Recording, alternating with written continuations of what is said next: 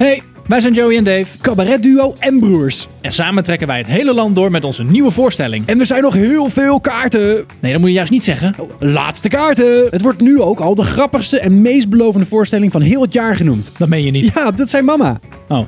Voor meer informatie en kaarten, kijk op joeyandave.nl. Een Astrolabs podcast. Dit zijn mensen die bewust zijn van subtiele verschillen die zich voordoen in de wereld.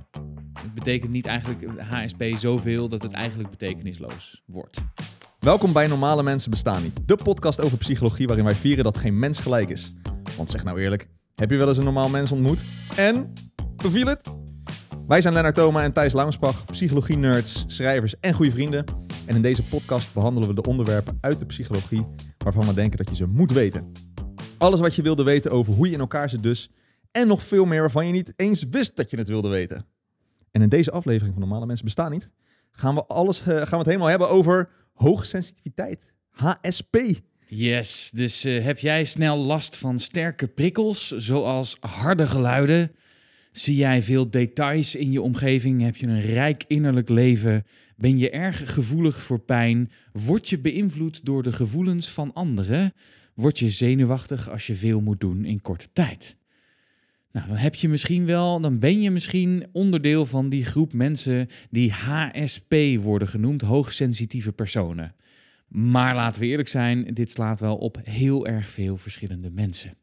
Dus in deze aflevering de vraag: is dat nou wel een zo'n zinnig label? Er zijn misschien wel gevoelige mensen, maar heeft het meerwaarde als we die HSP-mensen, hoogsensitieve personen, gaan noemen? Ja. Dus wat is HSP? Hoe zit dat precies? Wat is het absoluut niet? Bestaat het eigenlijk wel? Wat betekent eh, het eigenlijk als een psychologisch fenomeen bestaat? En kun of moet je er wat mee? Yes. Dus in deze, ja, een beetje als teaser, hè, hoe gevoelig ben jij en heb je wel eens te horen gekregen dat je overgevoelig bent? Ja, ik heb dus wel eens eh, te horen gekregen dat ik overgevoelig ben. Ehm, ik denk de meest, eh, de meest recente was, denk ik, ehm, dat ik eh, op de universiteit les, les gaf. En dat ik allemaal eerstejaars werkgroepen aan het geven was. En die krijg je dan zo leuk aan het einde van zo'n... Dan denk je dat je het leuk hebt gedaan. Nou, een prettige groep van 15, 16 personen een semester begeleid. En dan krijg je daarna de evaluaties. En soms hebben studenten niet helemaal goed door dat de evaluaties ook gelezen worden door de docent. Dus die zien dat dan meer als een soort eh, evaluatie van, laten we zeggen, een beoordeling van de docent naar anderen toe of zo. Ehm, en die zijn soms wel eens, een, nou ja, laat ik het zo zeggen, ehm, een beetje ongenuanceerd in wat ze dan zeggen over een docent. Ehm, en eh, ik had er eentje die het dus blijkbaar toch niet zo leuk had gevonden als dat ik dacht. Ehm, en die zei, ja, we hebben eigenlijk een hele rare docent. Die is heel erg gevoelig voor kleine geluidjes. Eigenlijk een beetje overgevoelig voor geluiden op de gang of in de groep. En als er dan geluiden zijn in de klas, dan gaat hij daar heel raar en, en extreem op reageren en zo. Dus dat was denk ik de laatste keer dat ik, eh, dat ik indirect als overgevoelig werd, eh, werd bestempeld. Joh, En jij? heftig. Nee, ik, eh, nee. Zo gevoelig als een looie deur. Ja, dat, eh, dat, dat zijn- Oké, nou dan is het misschien interessant, want dan zou best kunnen dat ik een aantal van de dingen eh, die dan bij HSP, onder de HSP vallen, ehm, wat, wat meer herken dan jij, denk ik. Ik denk het ook. Ehm, Nou, we gaan het zien. Hoe eh, laat mister. zijn wij begonnen? Ik, ik heb het helemaal niet bijgehouden. Ik denk dat we nu drie minuten bezig zijn, toch? Ja, we hebben een standje gekregen, Kwart over. luisteraars. Van, Ja. eh, van, Kwart over zes, eh, nou ja, nu Ja, onze dus- tijd is kwart over precies. zes. Daarom is het donker buiten als je kijkt. want we nemen dit s s'avonds op, dat doen wij gewoon. Dus, en het is de bedoeling dat we het dus een beetje binnen de drie kwartier houden, deze aflevering. Het is tot dusver nog niet gelukt. niet gelukt. Sorry. Ehm, eh, te meer omdat we steeds allerlei leuke zijpaden opgaan. Ehm, Waaronder deze. Waaronder deze, want er moet een walk of shame gemaakt worden. Shame. Shame. ik heb iets heel verkeerds gedaan. Wat Ehm, heb je gedaan, Lennart? Ja, ik zal het even bekennen. Nou, in de eerste aflevering, die hebben we pas, eh, nou, die is in onze tijd waarin wij het nu opnemen, eh, pas vorige week eh, online gegaan. Dat moet Dus- je niet vertellen. Ja, nou en? moet je geheim... Je moet doen alsof we die afleveringen elke week opnieuw opnemen. Nee, dat doen we niet. Dus we nemen er soms een paar tegelijkertijd op. Dan weet je dat ook, want dat is soms wel tijdsefficiënter. Maar goed, wij, de eerste aflevering is dus eh, online gekomen. voor de mensen die op YouTube kijken, trekken we dan wel steeds een ander shirt aan of een andere Ex- trui, zodat dat- we doen alsof het een andere aflevering Ja, laten we daar wel eerlijk bij zijn. Dat doen we inderdaad. Oké. Nou, oké, dat is niet de Walk of Shame. De Walk of Shame is namelijk dat ik in de eerste aflevering heel bij de hand ga vertellen wat... eh, dat ik jullie een soort statistiek onderwijs ga geven. En eh, daar heb ik de mega grote blunder in gemaakt. dat ik het heb over de mediaan, die dan zogenaamd de hoogste frequentie weergeeft van een bepaalde verdeling. Klopt niet, hè? En dat is helemaal fout. Het is de modus! Ja. Ik Niet zat ernaast. Ik heb je niet gecorrigeerd. Nee, Ehm, eh, wat ik ook wel eh, lichtelijk teleurstellend van mezelf vind. Maar, maar jouw fout is groter. laten mijn fout is veel groter. Ja. Dus de mediaan Hoe is zit dit gewoon nou? de mediaan is de middelste score van een verdeling. De middelste, middelste score. De modus is de eh, score, dus de score met de hoogste frequentie, waar de meeste mensen iets op scoren. Ja. En het gemiddelde is uiteraard het gemiddelde. Dat gaan we niet nog een keer uitleggen. Eh, Dus ik heb de mediaan en de modus omgewisseld. En ik zei het dus de hele tijd de mediaan. En dat is echt basic statistiek. En toen ik het mezelf dus terughoorde, dacht ik... Uh-oh. Eh, maar het is al ook wel een hele tijd voor mij geleden, ja. Dus eh, ja, maar toch, Shame. shame. Shame. Ja, ik, ik schaam me. Sorry, het spijt me. Wat ga je doen om het goed te maken? Ehm, nooit meer over statistiek hebben? Is dat oké? Touché. Dan doe ik het de volgende keer wel. En dan misschien eh, wacht mij dan ook wel een walk of shame. Ja, het spijt me zeer. Nou goed, oké. Sorry daarvoor. Ja. Excuus. We zijn, we zijn wel hele serieuze psychologen hoor. Dus we, we zouden dit toch eigenlijk moeten weten. Goed. Is het- Alright, eh, over naar de inhoud. Ja. Ehm, na dit intermezzo. Ehm, we gaan het dus hebben over HSP, oftewel hoogsensitieve personen. De- Is die groep samen dan ook hoogsensitieve personen? In ieder geval, als je HSP bent, dan ben je een hoogsensitief persoon in Yes. deze, in deze mm, terminologie. Yes. Eh, en dat is een beetje de aanleiding voor, voor deze aflevering. ehm, want het is ons eh, opgevallen dat, ehm, dat er een aantal termen zijn die, die nou, ja, misschien daarvoor ook al, maar zeker sinds de coronacrisis heel erg in schwung zijn geraakt binnen de psychologie. eh, waar opeens iedereen het over heeft. Ehm een daarvan is overprikkeld zijn. Nou, dat heeft ook wel eens wat te maken met, eh, ehm, met ook sensitief zijn voor Mhm. dingen. Heeft ook wel met andere dingen te maken. Zullen we ook nog eh, uitgebreid over hebben. Hoogbegaafdheid. Hoogbegaafdheid Komt ook, wordt, eh, veel, wordt veel over gesproken. Ehm, waar wordt narcisme is zo'n Ja. zo'n onderwerp waar heel veel over gesproken wordt. Gaan we het ook nog in de, in de podcast over hebben. Heel veel mensen hebben ADHD. Ja, maar zeker ook hoogsensitief of HSP of gevoelig. Ehm, eh, dus die, eh, die, die wordt ook nogal wat rondgegooid momenteel. Ja, en we hebben veel mensen, veel luisteraars die daar ook Ja. vragen over hebben gesteld. Ook bij de vorige podcast, toen hebben we hem, nou niet echt, zouden we hem een keer toucheren. Hebben we dat half gedaan of niet Ja. echt? Maar ehm, eh, nu zouden we er dus echt een hele aflevering aan besteden. En ik denk dat heel veel mensen daar blij mee zijn dat we dat gaan doen. Ja, Ehm, en dit is overigens dit is niet nieuw of zo. Hè? Want in de psychologie komt dat eigenlijk heel vaak voor. Dat er dan iedere nieuwe tijd heeft weer zijn nieuwe soort van hype woorden, zal ik het maar even noemen. Hè, dus burn-out is natuurlijk van de afgelopen 15 jaar misschien al echt wel een, eh, een, een hype woord geweest. Ja. Eh, betekent inmiddels ook heel erg veel. Ook daar gaan we nog later in, deze, eh, in dit seizoen over terugkomen. Ehm, maar daarvoor had je bijvoorbeeld de managersziekte. Dat was eigenlijk een soort burn-out, maar dan specifiek onder de groep leidinggevenden, zeg maar. Hmm. Ehm, er is ook nog een hele tijd geweest dat er veel werd gesproken over een muisarm. Dat was dan misschien meer fysiek, maar ook dat, dat is zo'n term die je eigenlijk niet echt meer tegenkomt. Maar in de jaren negentig was dat een, een heel veel gebruikte term. Ja, we gebruiken ook minder muizen natuurlijk. toen meer maar, touchpad. Dus heb je een ehm, touchpad een touchpad pols? vingertopje? I don't know. Ik weet het niet. Ehm, dus dat is op zich helemaal niet erg dat elke nieuwe tijd zijn nieuwe uitdaging met zich meebrengt. En dus ook nieuwe manieren om hierover na te denken en nieuwe woorden die daarbij horen, denk ik. Mhm. Hè? Ehm, maar ik denk dat we ons, eh, tenminste ik kan voor mezelf spreken, ik maak me toch over dat idee van hoogsensitief of HSP. Hè, dus ook weer hier, dat is zo'n, dan zo'n, zo'n, zo'n afkorting, dat hoort er ook vaak bij, dat, dat het dan Maakt het niet alleen een term is, maar ook een afkorting. Dan klinkt het namelijk bijna als een medische aandoening. Hè? Ehm, eh, maar ik maak me toch wat zorgen over, over HSP. ehm, omdat ik toch ook wel een beetje kritisch ben over dit soort diagnoses. ehm, of zelfdiagnoses, die dan vaak ook niet echt kloppen.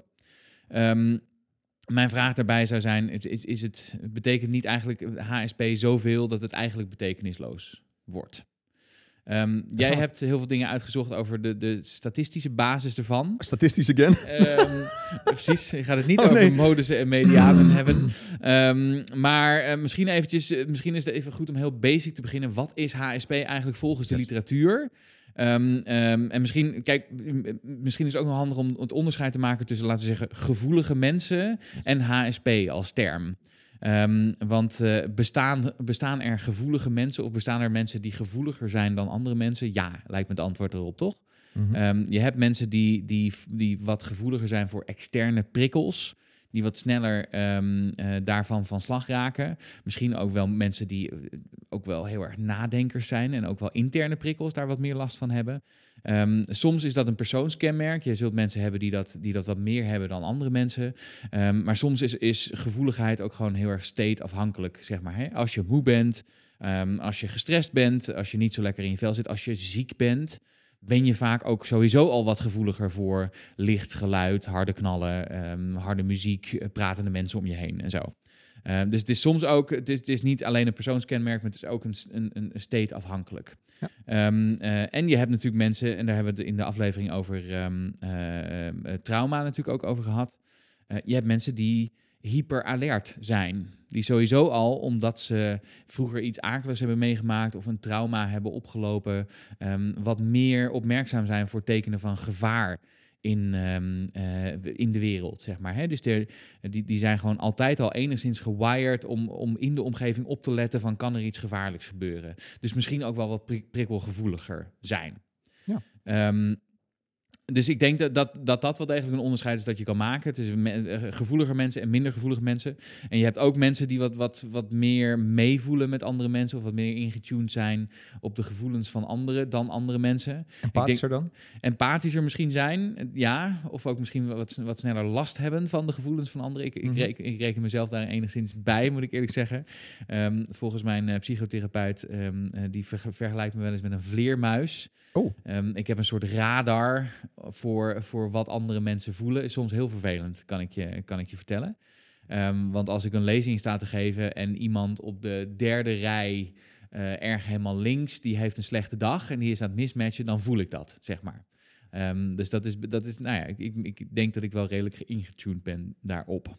Ben je dan ook hoogsensitief, Thijs? Ik weet niet of ik de hoog, maar ik geloof geloof ik niet zo heel erg in hoogsensitiviteit. Ah, nou, we Wat- gaan het eens even nou, doornemen nou heb, ik, nou heb ik veel gepraat en dan moet jij maar even wat zeggen. Ja, dus, dus wat is HSP? Laten we even gewoon wat er wordt gezegd in de wetenschap over, eh, dit, eh, over dit construct. Dus het construct is bedacht door Aaron en Aaron. En dus dan vooral één van de toevallig. twee... Zijn dan twee mensen die toevallig Aaron heten? Eh, ik denk, volgens mij is het een stel. En dan gaat het vooral om Dr. Elaine Aaron. En die heeft in de jaren negentig daar dan eh, ook, ook een boek over geschreven. Eh, en het construct dan eh, gevonden. Of be- ja, die, die vond zichzelf dat, dat ze dat was. Heeft daar onderzoek naar gedaan en heeft dan ook daadwerkelijk iets gevonden. Zij geeft aan dat 20 tot 30 procent van de mensen in de hele populatie eh, dus hoogsensitief is. En het lijkt een aange- voor het groot deel, zoals zij het dan zegt, een aangeboren trait of kenmerk van mensen Ja. te zijn. Ehm, eh, en het belangrijkste daarin is dat mensen, eh, dit zijn mensen die bewust zijn van subtiele verschillen die zich voordoen in de wereld. Ehm, ze hebben dit ook gemeten met eh, MRI-scans, dat brein, breingebieden rondom perceptie en aandacht meer aangaan bij hoogsensitieve mensen. En het, is, het idee is dat als je een goede opvoeding dan hebt gehad als HSP'er, je beter maatschappelijk eh, en mentaal, sociaal, emotioneel functioneert dan iemand zonder HSP. En heb je een slechte opvoeding, ehm, ja, dan, dan kan je dus snel naar ook het depressieve neigen. Zeker al in combinatie met eh, neuroticisme, wat dan een van de big five persoonlijkheidsfactoren is. En als je daar meer over wil weten, moet je de Hoe ben je zo podcast luisteren. En zij heeft het dan over vier punten die HSP'ers dan kenmerken. En misschien nog heel even terug Ja. naar dit, want het, is denk ik wel een verschil. En sowieso kun je je afvragen, wat is dan een goede opvoeding en wat is een slechte opvoeding? Hè? Uiteraard. Ehm, eh, maar ik denk dat dit wel een redelijk duidelijk punt is natuurlijk. Van dat, dat, dat je je kunt voorstellen als je opgroeit als, als heel gevoelig type in een, eh, een omgeving waarin daar goed op gereageerd wordt en begrip voor is en met je gepraat wordt ehm, en je in staat gesteld wordt om dat een beetje aan te passen en te reguleren voor jezelf, ehm, dat, het, eh, nou ja, dat, dat het niet per se een hele vervelende eigenschap hoeft te zijn, omdat je dat dan goed weet uit te bouwen, zeg maar. Je kan het misschien goed uiten, Ja, je emoties precies. enzovoort. Maar als je in een, een opvoeding hebt gehad waarin er nooit aandacht daarvoor was. En wanneer je, waarin je dus de hele tijd overbelast raakte door je gevoeligheid voor dit soort dingen. eh, maar dat daar eigenlijk helemaal geen ruimte voor was. Of dat je dan, eh, oh, doe, doe niet zo moeilijk wat je en zo, dat, die, die, kant. Dan kun je je voorstellen dat dat, dat dat juist ook wel, dat je daar nooit echt helemaal goed mee om leert gaan. En dat het ook een hele vervelende, nou, mogelijk vervelende consequenties heeft voor later in je leven. Yes. Nou, zij heeft het dus over vier punten. Dat noemt ze eh, DOS of DOES, hoe je het ook wil, D-O-E-S. Het is de depth of processing. Dus het gaat om dat je meer tijd nodig hebt om info te verwerken. Info uit je omgeving, dus prikkels, geluiden, eh, eh, dingen die je ziet. Ja, laat, laten we hier nog even iets, iets meer bij stilstaan bij deze vier. Want ik denk dat het hier ook komt waar mijn moeite met de term een beetje komt. Ja. Ehm, omdat het eigenlijk... eh, ehm, ehm, dus je hebt die, die gevoeligheid voor interne en Mhm. externe prikkels. En Laat ik ze eerst, gevoelens laat ik dan ze eerst andere. even alle vier doen. Dan, heb je, dan, heb je, dan kan je daarna lekker is ranten, mister. Want ik merk, Ja. eh, er komt een rant aan hem bij. Nou, ja, oké. Nee, ga je gang. dus je even gang. kijken. Depth of processing is één. Dus de, de, de diepte van nodig om te, om te processen van informatie. Ja, dus zij zegt... Ik ga toch even... Want we je kan het niks aan. Nee, maar sorry, volgens mij moeten we iets meer context geven Ja, ja. Ehm, dus dus dit, het, het idee van die eh Aaron, Mhm. van die Elaine Aaron, is dat, dat mensen met HSP op een heel diep niveau prikkels verwerken. Dus daar heel veel lang over nadenken en die op een, nou ja, laten we zeggen, echt ook wel van, van zware prikkels flink van slag raken. Dus dat is Mhm. dat depth of processing. Als je iets meemaakt, moet je op een heel diep niveau dat verwerken voordat het verwerkt is. Yes. Terwijl misschien iemand die dat niet zou hebben, dat wat makkelijker van zich af laat glijden, toch? Mhm. Ja, oké. En het tweede punt, en dat komt dan dus heel erg dicht in de buurt, is overstimulatie. Ja, En dat lijkt natuurlijk ook een beetje gelijk aan die depth of processing. Het feit dat je het diep moet verwerken, heb je ook snel dat je overgestimuleerd bent door het, de hoeveelheid lichten of de, de geluiden die je hoort of whatever. ja. Ehm, Dus dus dat is wat, ze, wat we in Nederland zeggen noemen overprikkeld, yes. denk ik. Wat dan weer een onderdeel daarvan is. Maar om het iets ingewikkelder te maken, die overprikkeling kan ook met andere dingen te maken hebben. Dus het is niet alleen ha- eh, hoogsensitieve personen die daar last van hebben, maar ook bijvoorbeeld mensen die randje burn-out zitten, zeg maar. Ehm, en ik, ik, heb, ik moet je zeggen, ik heb dit zeker niet super vaak. Maar als ik super moe ben na een hele lange dag en ik ben ook nog wat, wat, gest- wat gestrest en ik heb bijvoorbeeld met een vriend of vriendin in een rumoerige eh, café eh, afgesproken, kan ik echt moeite, met moeite mijn aandacht bij het gesprek houden omdat ik ook het koffiezetapparaat Ja. hoor, zeg maar. Nou ja, dus ook, ik, heb- ik maar heb hier, ook- dit vind ik dus echt zoiets Ja. waarvan je kan afvragen, is dit nou... Is dit abnormaal? Is dit een persoonskenmerk? Of hoort dit gewoon bij, bij sowieso heel veel prikkels te verstouwen hebben? Ja. Ik heb een beetje eh, nou ja, een extremer voorbeeld. Ik, heb, ik ben dus ook aan, eh, aan de chemo geweest. Ja. Nou, ik weet nog precies toen ik, die, eh, toen ik in de dieptepunt van de chemo-kuur zat. Toen was ik helemaal niks waard. Toen kon ik echt ook qua... Toen was ik heel snel overprikkeld. Elk klein geluidje als mijn zoontje aankwam rennen. Met papa, papa, dan moest ik echt mijn handen op mijn oren doen. Want dat deed gewoon pijn in mijn hele lijf. Zoveel eh, deed die prikkels dan met me. Maar ja, ik was gewoon in een hele slechte fysieke staat. En dan doet alles pijn. Ja, Ehm. precies. Dus er zijn bepaalde omstandigheden waarin die filter voor dit soort prikkels gewoon wat meer open gaat staan en je er dus weer meer, wat meer last van hebt. En ik zou zeggen, het is ook gewoon gewenning. Ik kom wel eens bij mensen thuis en die, hebben gewoon, die zijn gewend om de hele dag de tv aan te hebben staan. Ja. En die, die horen dat, die vinden dat prima, horen dat niet zoveel. Er is tv, er is geluid, er zijn kinderen die geluid maken. Als je daar gewend aan raakt, eh, dan is dat een stuk normaler voor je dan wanneer je daar niet gewend aan bent. Dus Dus toch ook voor mensen die in de stad wonen versus mensen die op platteland leven. Weet je, de, de, de mensen die in de stad wonen, die, die, eh, die, die, die, zien, eh, die zien heel veel dingen ook op een gegeven moment niet meer. Die zien niet de zwerver langs de straat. Dus en je die hoort lopen de trein door. niet meer. Die je hoort de trein niet meer of de tram. Ja, en als je sure. op platteland en je komt naar de stad toe, dan denk je, jezus, wat is dit allemaal? Ja. ja, dus hiervan denk ik, is dit een persoonskenmerk of Ja. is dit een situatiekenmerk? Maar je hebt depth of processing dus, overstimulation, Dat- drie. Drie is emotional responsivity slash empathy. Dus Ja. oftewel eh, dat je dus emotioneel daar snel op reageert of heftig op kan reageren. Ehm, en ook dat je veel empathie voelt richting de ander. Dus dat je, dus wat jij ook hebt, een soort van die vleermuis, radar, sonar, whatever, eh, hebt. Dat je eh, mensen snel hun emoties opvangt en dat iets met jou doet. En dan is dus de laatste, de vierde, is sensitive to subtleties. Dus je gevoeligheid voor kleine detailverschillen en kleine subtiliteiten. Ja. Ehm, daar, daar, eh, daar ben je dan ook gevoelig voor. Nou, als je die vier dus hebt, eh, dan ben je dus volgens Elaine Aaron eh, een HSP'er. Daar heeft ze ook een hele vragenlijst voor ontwikkeld. Daar heb je net een aantal vragen in het begin van de aflevering al van gehoord. Ja, Ehm, en volgens Elaine hebben dus HSP'ers meer downtime nodig. Dus meer rusttijd, goede hoeveelheid rust en slaap, meer dan de gemiddelde mens. Daarvan Ja. kan je natuurlijk ook afvragen, ja, eh, heeft niet iedereen dat een beetje? Maar oké, eh, interesting. Ja, en dus misschien voordat we nog een, be- een beetje meer de statistiekkant en de onderzoekskant ingaan. Ik, ik, ik heb hier dus eigenlijk al een beetje moeite mee, merk ik. Ja, Eh, omdat dit, omdat dit Je bent echt... hier gevoelig voor. eh, ben jij soms zo hoogsensitief eh, dat je zo gevoelig bent voor dit onderzoek? Zo flauw. Ga jij de mensen even wat uitleggen over medianen en modussen? Oh ja. zo, burn. Ehm, eh, ja, ik heb hiervan heel sterk het gevoel dat hier verschillende aspecten gebruikt worden die niet per se bij elkaar horen, die bij elkaar geklompt worden om daar zoveel mogelijk mensen in te vangen. Ehm, want ik heb echt het idee dat die overstimulatie iets heel anders is dan eh, emotionele gevoeligheid. Naast dat ik het gevoel heb dat hier, eh, het ik heb het gevoel dat, hoor je, Mhm. eh, eh, naast dat ik, dat ik toch wel de indruk krijg dat hier ook heel veel overlap is met, met bijvoorbeeld een aantal persoonlijkheidskenmerken die, nou, laten we zeggen, wat strakker ge- eh, gedefinieerd zijn. Hè, bijvoorbeeld neuroticisme, Ja. daar zit ik heel erg aan te denken. Sommige mensen raken gewoon snel in de stress. Sommige mensen raken snel in de ne- negatieve emotiekanten, hè, zoals je uitgebreid hebt kunnen horen als je onze vorige podcast hebt eh, geluisterd. Ehm, eh, en sommige mensen zijn daar gewoon wat ongevoeliger voor. Die zijn wat stabieler. Nou, ik kan me voorstellen dat bijvoorbeeld die emotional responsivity daar juist heel erg mee te maken heeft. Zeker. Terwijl ik bij dat ding over, over sensitive to subtleties, laten we zeggen detailgevoeligheid, juist weer heel erg met open, openheid voor ervaring zit. Hè? Dus dat is eigenlijk net een andere persoonlijkheidskenmerk. Klopt. Maar ze hebben dat hier zo pff, in één ding gegooid. Daar, Ja. daar komt het eigenlijk op neer. Ja, en dat maakt het natuurlijk aan de ene kant behapbaar voor heel veel mensen, maar daarmee ook dat gevaar dat heel veel mensen zich daarin kunnen labelen en zeggen, oh, ik ben hoogsensitief. En dan verwachten dat andere mensen daar iets mee doen of dat ze daar rekening mee houden of iets. Het is natuurlijk, het is officieel geen echte diagnose of echte eh, geclassificeerd label. Eh, en daar kan je dan eh, natuurlijk op een bepaalde manier ook misbruik van maken. Door Ja. dat dan maar jezelf aan te rekenen of aan jezelf te geven. En dan hopen dat iedereen zich daar maar op afstemt. Ja, dus als er zo'n zo'n term is, dan, dan is dat ook... En eigenlijk wordt het gelijk een soort zelfdiagnose of een zelflabel eigenlijk. Hè? Terwijl ik me zou afvragen, zeker als je naar die vragen kijkt van die vragenlijst... Hè, nogmaals, word je, word je beïnvloed door de gevoelens van anderen?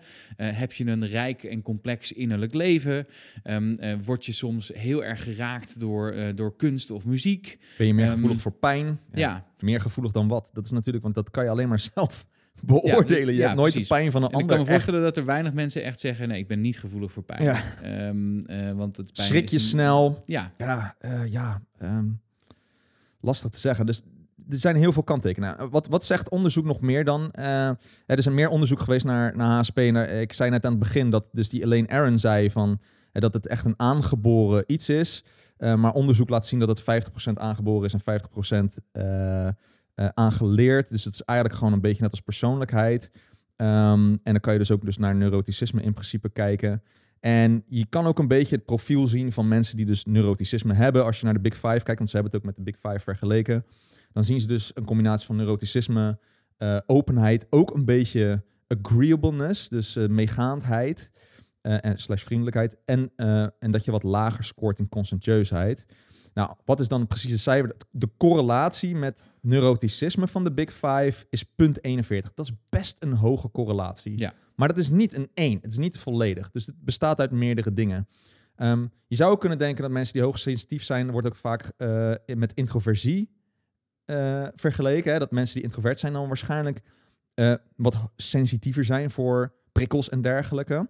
Ja, dat zegt die Ehm, Elaine Aaron, zegt het ook. Hè, 70%, v- zij zegt in een podcast die ik met haar geluisterd heb, eh, zij zegt 70% van de HSP-mensen, van hoogsensitieve personen, is introvert. Ja, en als je dan een meta-analyse erop naslaat, waar ze Big Five daarmee hebben gemeten met de vragenlijst van hoogsensitieve personen, is dat maar punt 12. En dat is dan weer een lage correlatie dus met introversie. Dus er is helemaal, eh, ze zien helemaal geen relatie met extraversie of introversie erin. Dus dat is ook wel interessant. Dus wat meet het dan echt als Elaine Aaron het ene zegt, maar de Big Five komt er iets anders uit? Ja, dus wa- Ehm, wat, je, wat je eigenlijk wil in, in dit soort, met dit soort constructen, hè, want we hebben het hier dus ook niet over iets dat je, dat je in een hersenscan kan pinpointen, zeg maar. Van daar zit hoogsensitief en deze mensen hebben dat wel en andere mensen hebben dat niet. Mhm. Het gaat over constructen, het gaat over psychologische ideeën die we terugvinden bij mensen. Wat je dan wil, is niet alleen dat je een vragenlijst hebt die een beetje betrouwbaar is, die een onderscheid kan maken tussen mensen die het wel hebben of niet hebben in dit geval. Eh, maar je wil ook graag wat ze, wat ze noemen divergente en convergente validiteit hebben. Ja. Met andere dat, dat klinkt, dat zijn hele moeilijke woorden voor. ehm, je wil graag dat het, eh, eh, dat het, als je vragenlijsten van HSP bijvoorbeeld neemt en een hele hoop andere vragenlijsten, dat HSP veel overeenkomt met dingen die lijken op HSP. En dat ze juist niet heel erg hoog, hoge correlaties hebben met de dingen die helemaal niet lijken op HSP. En ze moeten op een bepaalde manier ook uniek zijn ten opzichte van Precies. de andere. Ze Dus moeten iets aparts meten. Ja, als je zou kunnen vragen, eh, eh, als je zou zeggen, het is dus bijna helemaal introversie, kun je je afvragen, ja, waarom noem je het dan hier introversie? Ja. Zeg maar. Maar dat is dus blijkbaar helemaal niet.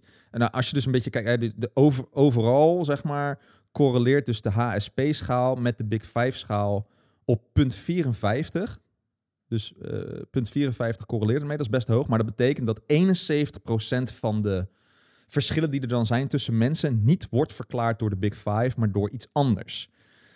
Maar ik heb jammer genoeg een, een ander onderzoek, is, dat is leuk, is dat er een hele sterke link wordt gezien tussen eh, hoogsensitieve personen en intelligentie. En dat 77 tot 87 procent van mensen met een hoge intelligentie, dus 130 of hoger, dat wordt ook wel hoogbegaafd genoemd, scoort als een hoogsensitief persoon. Dat betekent dat daar dus ook best wel een sterke correlatie heerst. Ja. De precieze correlatie heb ik niet. Maar daar zit dus een, ho- een, een, een sterk verband. Dus je zou misschien wel kunnen stellen, maar ik heb daar geen onderzoek naar gevonden. Misschien is het wel, als iemand het kan vinden, plaats het in de YouTube comments of zo, ergens, somewhere waar we het kunnen zien, of op Instagram. Ehm, dat als je intelligentie hebt en de Big Five, en iemand scoort dus hoog op intelligentie, scoort hoog op neuroticisme, eh, heeft ook nog wat openness en wat agreeableness, dat de kans dan best wel aanwezig is dat diegene hoogsensitief is en andersom. Ehm, dus dat hoogsensitieve mensen dus hoog intelligent en neuroticisme enzovoorts vertonen. En er zit natuurlijk een bepaalde soort van, ehm, hoe noem je dat? Eh, nou ja, laten we zeggen, boereninstinct ehm, eh, onderdeel zit daarin. Ja. Je, het is een beetje psychologie van de koude grond, maar je zou kunnen zeggen, mensen die hoog intelligent zijn, die hebben ook wat meer dingen uit hun omgeving door. En die zullen misschien een filter hebben dat sowieso al wat meer open staat. Of die zullen ze de capaciteit hebben om in de wereld meer prikkels, meer individuele prikkels te onderscheiden van elkaar, zeg maar. Hè? Dus dan zou het logisch zijn dat je daar dus ook wat prikkelgevoeliger van wordt. Niet Ja. iedereen, maar er zit een behoorlijke overlap tussen die dingen dus. Zeker. Zeker als je dus ook nog best wel neurotisch bent en dat je dus die negatieve dingen ook veel, eh, ja, veel in je opneemt en da- ook een empathisch gevoel hebt. Dat je dus snel die, die, die, die prikkels van anderen misschien opvat. Ja, dat maakt je dan misschien hoogsensitief. Eh, maar ja, is dat dan ook niet gewoon onderdeel van die persoonlijkheidstrekken? En waarom zijn wij nou, waarom ben jij daar nou een beetje, want ik, ben, ik heb ook wel een beetje licht van, Ja. eh, van, ja, is dit nou echt een construct waar we iets mee moeten? Of, of is het nou zinnig om te hebben als construct? En, want heel veel mensen zijn er die het heel prettig vinden dat er iets wordt gezegd over, hoog, over Ja. hoogsensitiviteit. En die, die, die, die vinden zichzelf daarin. Ehm, is dat dan is niet te wat prettig? is mijn probleem? ja, wat is jouw probleem Ja. daarmee en wat is mijn probleem daarmee? Ja. Is- wat, wat kunnen we daarover zeggen? Ehm, nou, wat, wat ik er lastig aan vind, is dat het, eh, eh, ehm, eh, dat het eigenlijk. Hoe zeg ik dit? Dat het iets dat, dat, waarvan ik zou zeggen dat het zou eigenlijk normaal moeten zijn, eigenlijk pathologiseert. Dat is mijn probleem hiermee. Dus ik heb het idee dat er een probleem wordt gemaakt van iets dat eigenlijk niet per se een probleem is, door er een label aan te geven. En door dat label zo op te rekken dat er heel veel mensen invallen. Want nogmaals, we, hebben dus een aantal van die vragen, eh, vragen voor, voorgelezen uit de vragenlijst. Ik kan er nog een paar noemen. Schrik je snel? Ehm, eh, eh, probeer je geen fouten te maken of dingen niet te vergeten. Ja. Ehm, vind, je, vind je veranderingen in je leven soms lastig? Ehm, vind je het he- lastig om heel veel dingen tegelijkertijd op de rol te hebben? En Check, vind je, check, ja, check, precies. En Vind je harde geluiden, vind je dat lastig? Ja, Ja. ik ken bijna, niet, bijna niemand die zegt, nee, harde geluiden, dat is echt, daar kan je me s'nachts voor wakker maken, zeg maar. Nee, dus wat ik, mijn probleem er ook mee is, inderdaad een beetje in lijn ermee, is dat het dan al snel neigt tot bijna een soort horoscoopachtig idee waar iedereen zich in kan vinden. Precies. En je daar dan heel erg in gaat geloven, terwijl het eigenlijk niet per se echt iets zegt over je. En dus daarmee het nadeel dat mensen daarmee anderen gaan, eh, eh, eh, gaan manen om dan anders met hun om te gaan. Terwijl dit, dit is gewoon ja, ook een normaal onderdeel van heel veel mensen. En je, je, ja, je maakt je misschien, jezelf misschien wel bijzonderder dan dat je misschien bent. Nou ben je ook hartstikke bijzonder. Daar hebben we het ook in de eerste aflevering Normale over gehad. mensen bestaan niet, Normale zeggen. mensen bestaan niet, dus iedereen is wel tot op een zekere hoogte bijzonder. Maar om dan dat vooral op hoogsensitiviteit te gooien, is misschien net iets te makkelijk. En het kan wat genuanceerder. Ja, en het- een van mijn andere problemen daarbij is dat het de indruk wekt, door het ook zo'n zo'n naam te geven en zo'n acroniem te geven en afkorting te geven, dat het een soort mentale stoornis is. Ehm, of een dat is het zeker niet. Nee, ik zou dus zeggen dat dat, dat is het niet. En Het is in die zin, het, het, het maakt ook iets en, en, en extra, het, het, het wekt de indruk van een probleem te zijn, terwijl het dat helemaal niet zou moeten zijn, zou ik zeggen. En maar natuurlijk zullen sommige mensen zeggen, ook ik vind het heel prettig om nou te weten hoe, hoe ik mezelf kan noemen. En sommige mensen zullen zeggen, ja, maar, maar HSP is helemaal geen... ehm, eh, ehm, er is, is helemaal geen eh, kwaal, maar is eigenlijk een soort superkracht, zeg maar. Hè? Al kan het behoorlijk lastig zijn, kan ik me zo voorstellen. Ehm, eh, maar ik kan me ook voorstellen dat er heel veel mensen zijn die zeggen... oh ja, maar nou weet ik dus wat er mis met mij is. Ehm, terwijl er is helemaal niet zo heel veel mis met je, maar we hebben het gewoon een, een goed klinkende naam gegeven. Ja, ja. En nou doen we alsof het eenzelfde soort aandoening is als bijvoorbeeld ADHD of OCD of al die andere dingen die zo'n mooie afkortingnaam hebben. Ja. Terwijl ja, het echt dus iets anders is. Als Ja. het 20% van de mensen zijn, dan is het geen psychologische afwijking. Dan is het gewoon een eigenschap die je hebt. Precies. Precies. En wat betreft die vragen, ja, ik blijf er altijd een beetje om lachen. Want ik kan net zo goed vragen van, vind je eten ook lekker? Precies, ja. En hou je, hou je, hou je van goed eten, weet je wel? Oh, dan Nee, ben jij waarschijnlijk een chefkok of zo. In zekere zin zijn het Barnum statements. En Barnum statements die, die kom je dus in de, eh, in de astrologie ehm, heel Ja. erg eh, tegen. Ik, ben trouwens, ik ga nu heel overprikkeld reageren op de ambulance. Ja, als je de ambulance hoort, dat Ehm, gebeurt er eh, gele-. Ja. geluiden, en dan kan het niet even wat minder. Ehm, Ze moeten iemand ik redden, ben Thijs. overprikkeld. Laat ze lekker iemand redden, alsjeblieft.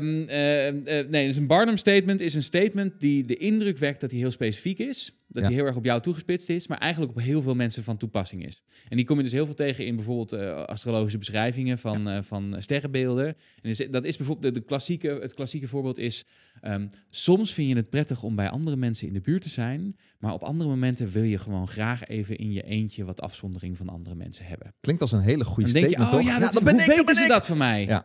Maar dat is gewoon, dat, hebben, dat heeft, heeft bijna zeggen, iedereen. 95% van de mensen heeft dat.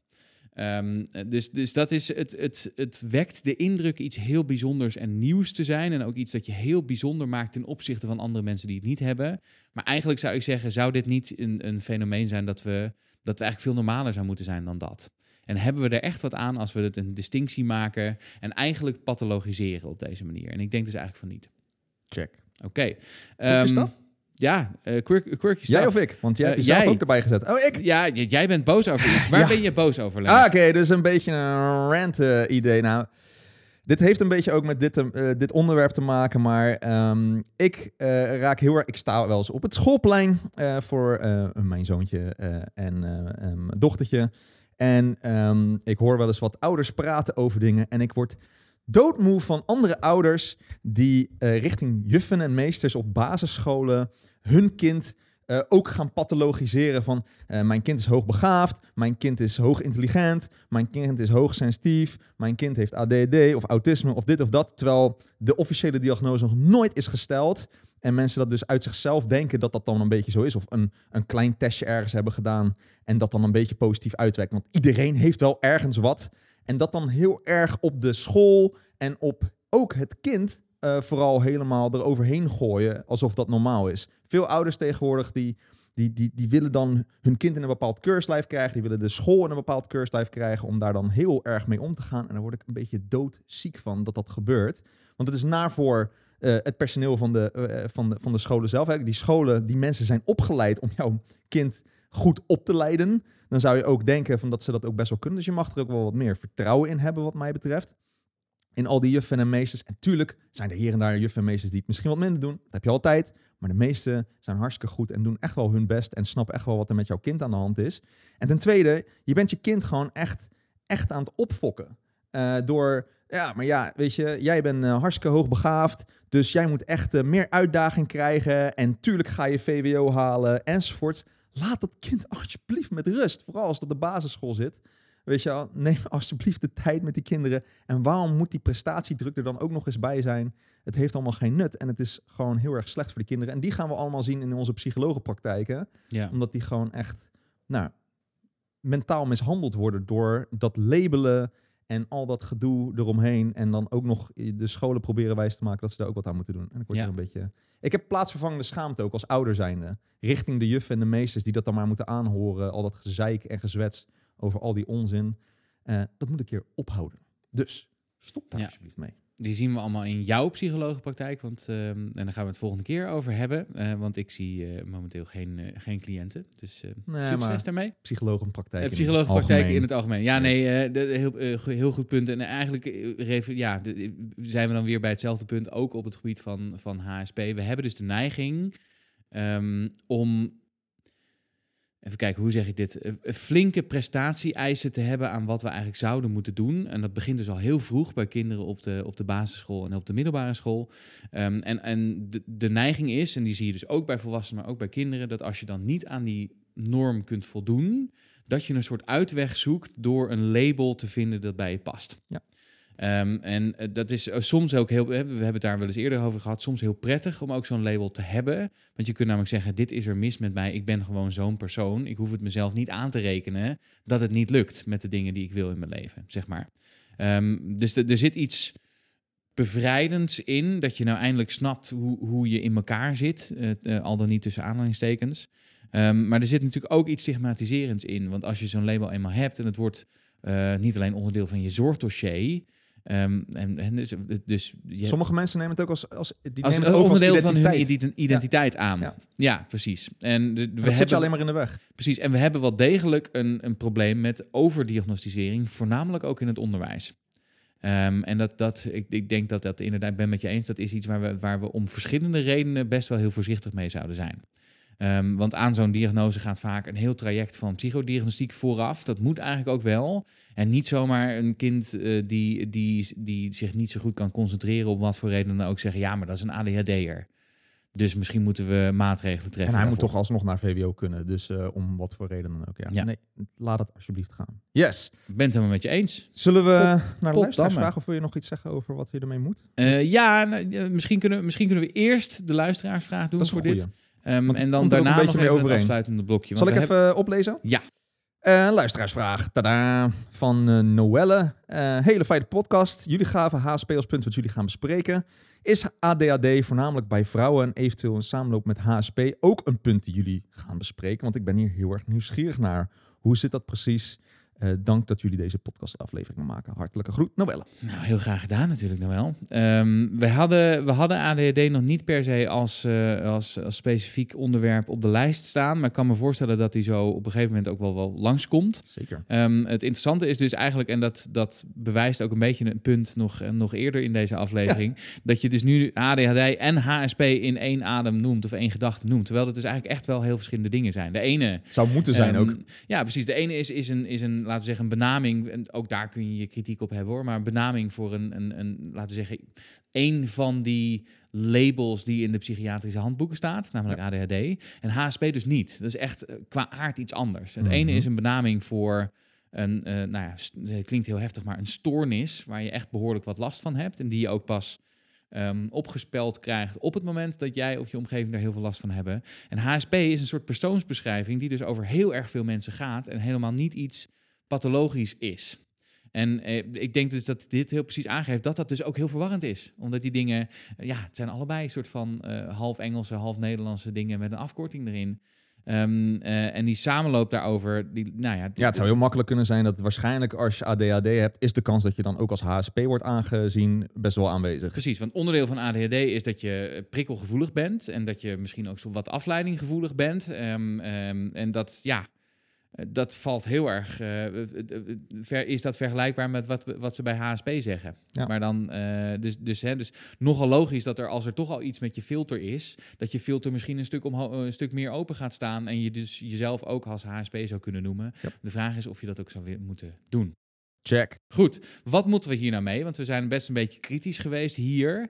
Ehm, en, ehm, en ik denk dat, dat, we ook wel een soort van de, de redenen daartoe hebben, he- hebben uitgelegd. Wat natuurlijk niet wil zeggen dat we, dat we vinden dat alle gevoelige mensen aanstellers zijn. Absoluut niet. Nee, want die zijn, er Ehm. wel ze- die zijn er wel degelijk. Het ene mens is echt wel gevoeliger voor bepaalde dingen dan andere. Ja. Alleen de, de vraag is of dat dus heel erg handig is om dat in zo'n label te gieten en dan jezelf te doen voorkomen alsof je dus echt een bepaalde ziekte of iets heel afwijkends hebt. En er is nog, nog één ding die we nog niet echt hebben benoemd, die ik toch wel, wel, wel even wilde, wilde noemen. Eh, nog, nog los van deze andere argumenten, is dat als je iemand, als je zegt, ja, die, die persoon is overgevoelig of HSP, dan verindividualiseer je dat heel erg. Ehm, dus je zegt eigenlijk, ja, maar dat is dus iets dat bij die persoon hoort. Terwijl ik zou zeggen, hoort het niet ook gewoon heel erg bij de maatschappij? Hebben we niet een maatschappij ongelooflijk vol prikkels eh, gecreëerd waar mensen gewoon last van hebben?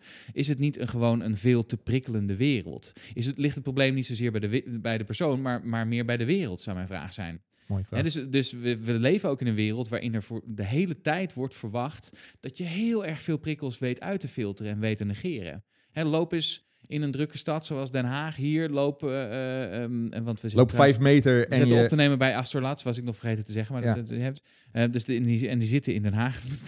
maar hè, lopen hier uit Den Haag, uit het station richting de Grote Markt. Je, je komt meer prikkels tegen dan, eh, dan, laten we zeggen, ze 100 jaar geleden eh, in een jaar tegenkwamen. Mhm. Dat zegt ook iets over de wereld. Het is gewoon een, een overprikkelende wereld. Ehm, en dan kun je het dus aanrekenen naar mensen die, die daar last van hebben. Maar je kunt ook zeggen, nou, dat heeft gewoon heel erg met de maatschappij te maken. Ehm, eh, en, en zeker ehm, als, als je filter dus op de een of andere manier sowieso al wat lastiger staat afgesteld. Omdat je wat autistische trekjes hebt. Of omdat je eh, stressklachten hebt of in een burn-out zit. Ja. Of omdat je hersenschade hebt. Ja. Of omdat je ADHD hebt. Ehm, dus er zijn heel veel redenen omdat, waarop dat filter niet per se ehm, eh, ehm, goed afgesteld staat of een beetje te veel open staat. Ja, gaan die mensen dan niet nog een extra probleem aanlullen, zou ik zeggen. Nou, dan komen we bij de afronding van deze aflevering. Ja, Eh, in de volgende... ik, ik kwam, nog één quote tegen, misschien is dat een Oh goede ja, leuke quote. Oh, je hebt een hele mooie quote, Van, zeg eh, ja, ik dacht, ik kan geen, geen moment voorbij laten gaan om, als dat eh, passend is, een quote van mijn favoriete dichter, namelijk Kate Tempest, Ja. te noemen. En die zegt ergens in een, in een gedicht: The world is a terrible place for sensitive people, but the closer we come to losing our minds, the harder we'll work to keep them. Prachtig. En dan komen we dus bij de afronding van eh, deze aflevering weer. Eh, in de volgende aflevering gaan we het hebben over burn-out. Ja, en dan specifiek over de vraag: bestaat dat wel? Ja. nou, Dus ik dacht heel zeker van eh, een hele tijd van wel, maar eh, blijkbaar eh, bestaat het niet. Nou, gaan we het over hebben. Interessant maatschappelijk, dan wel medisch, dan wel psychologisch debat dat nu wordt gevoerd. Zeker. Nou, die komt dus de volgende week uit. Dus abonneer je om die aflevering niet te missen. Dat helpt ons natuurlijk ook. het helpt de podcast ook om hoger in de ratings te komen. En daardoor gaan meer mensen het luisteren. Vinden we leuk. Dus doe dat alsjeblieft. Geef ook vijf sterretjes. Like, subscribe, deel. Vertel het vrienden, vreemden en vogels. Ja, Eh, en eh, eh, vergeet niet, je bent verre van normaal. Of je nou heel sensitief bent of juist helemaal niet. Je bent op je eigen manier uniek. Eh, of je nou wil of niet, of het prettig vindt of niet. Normale mensen bestaan niet.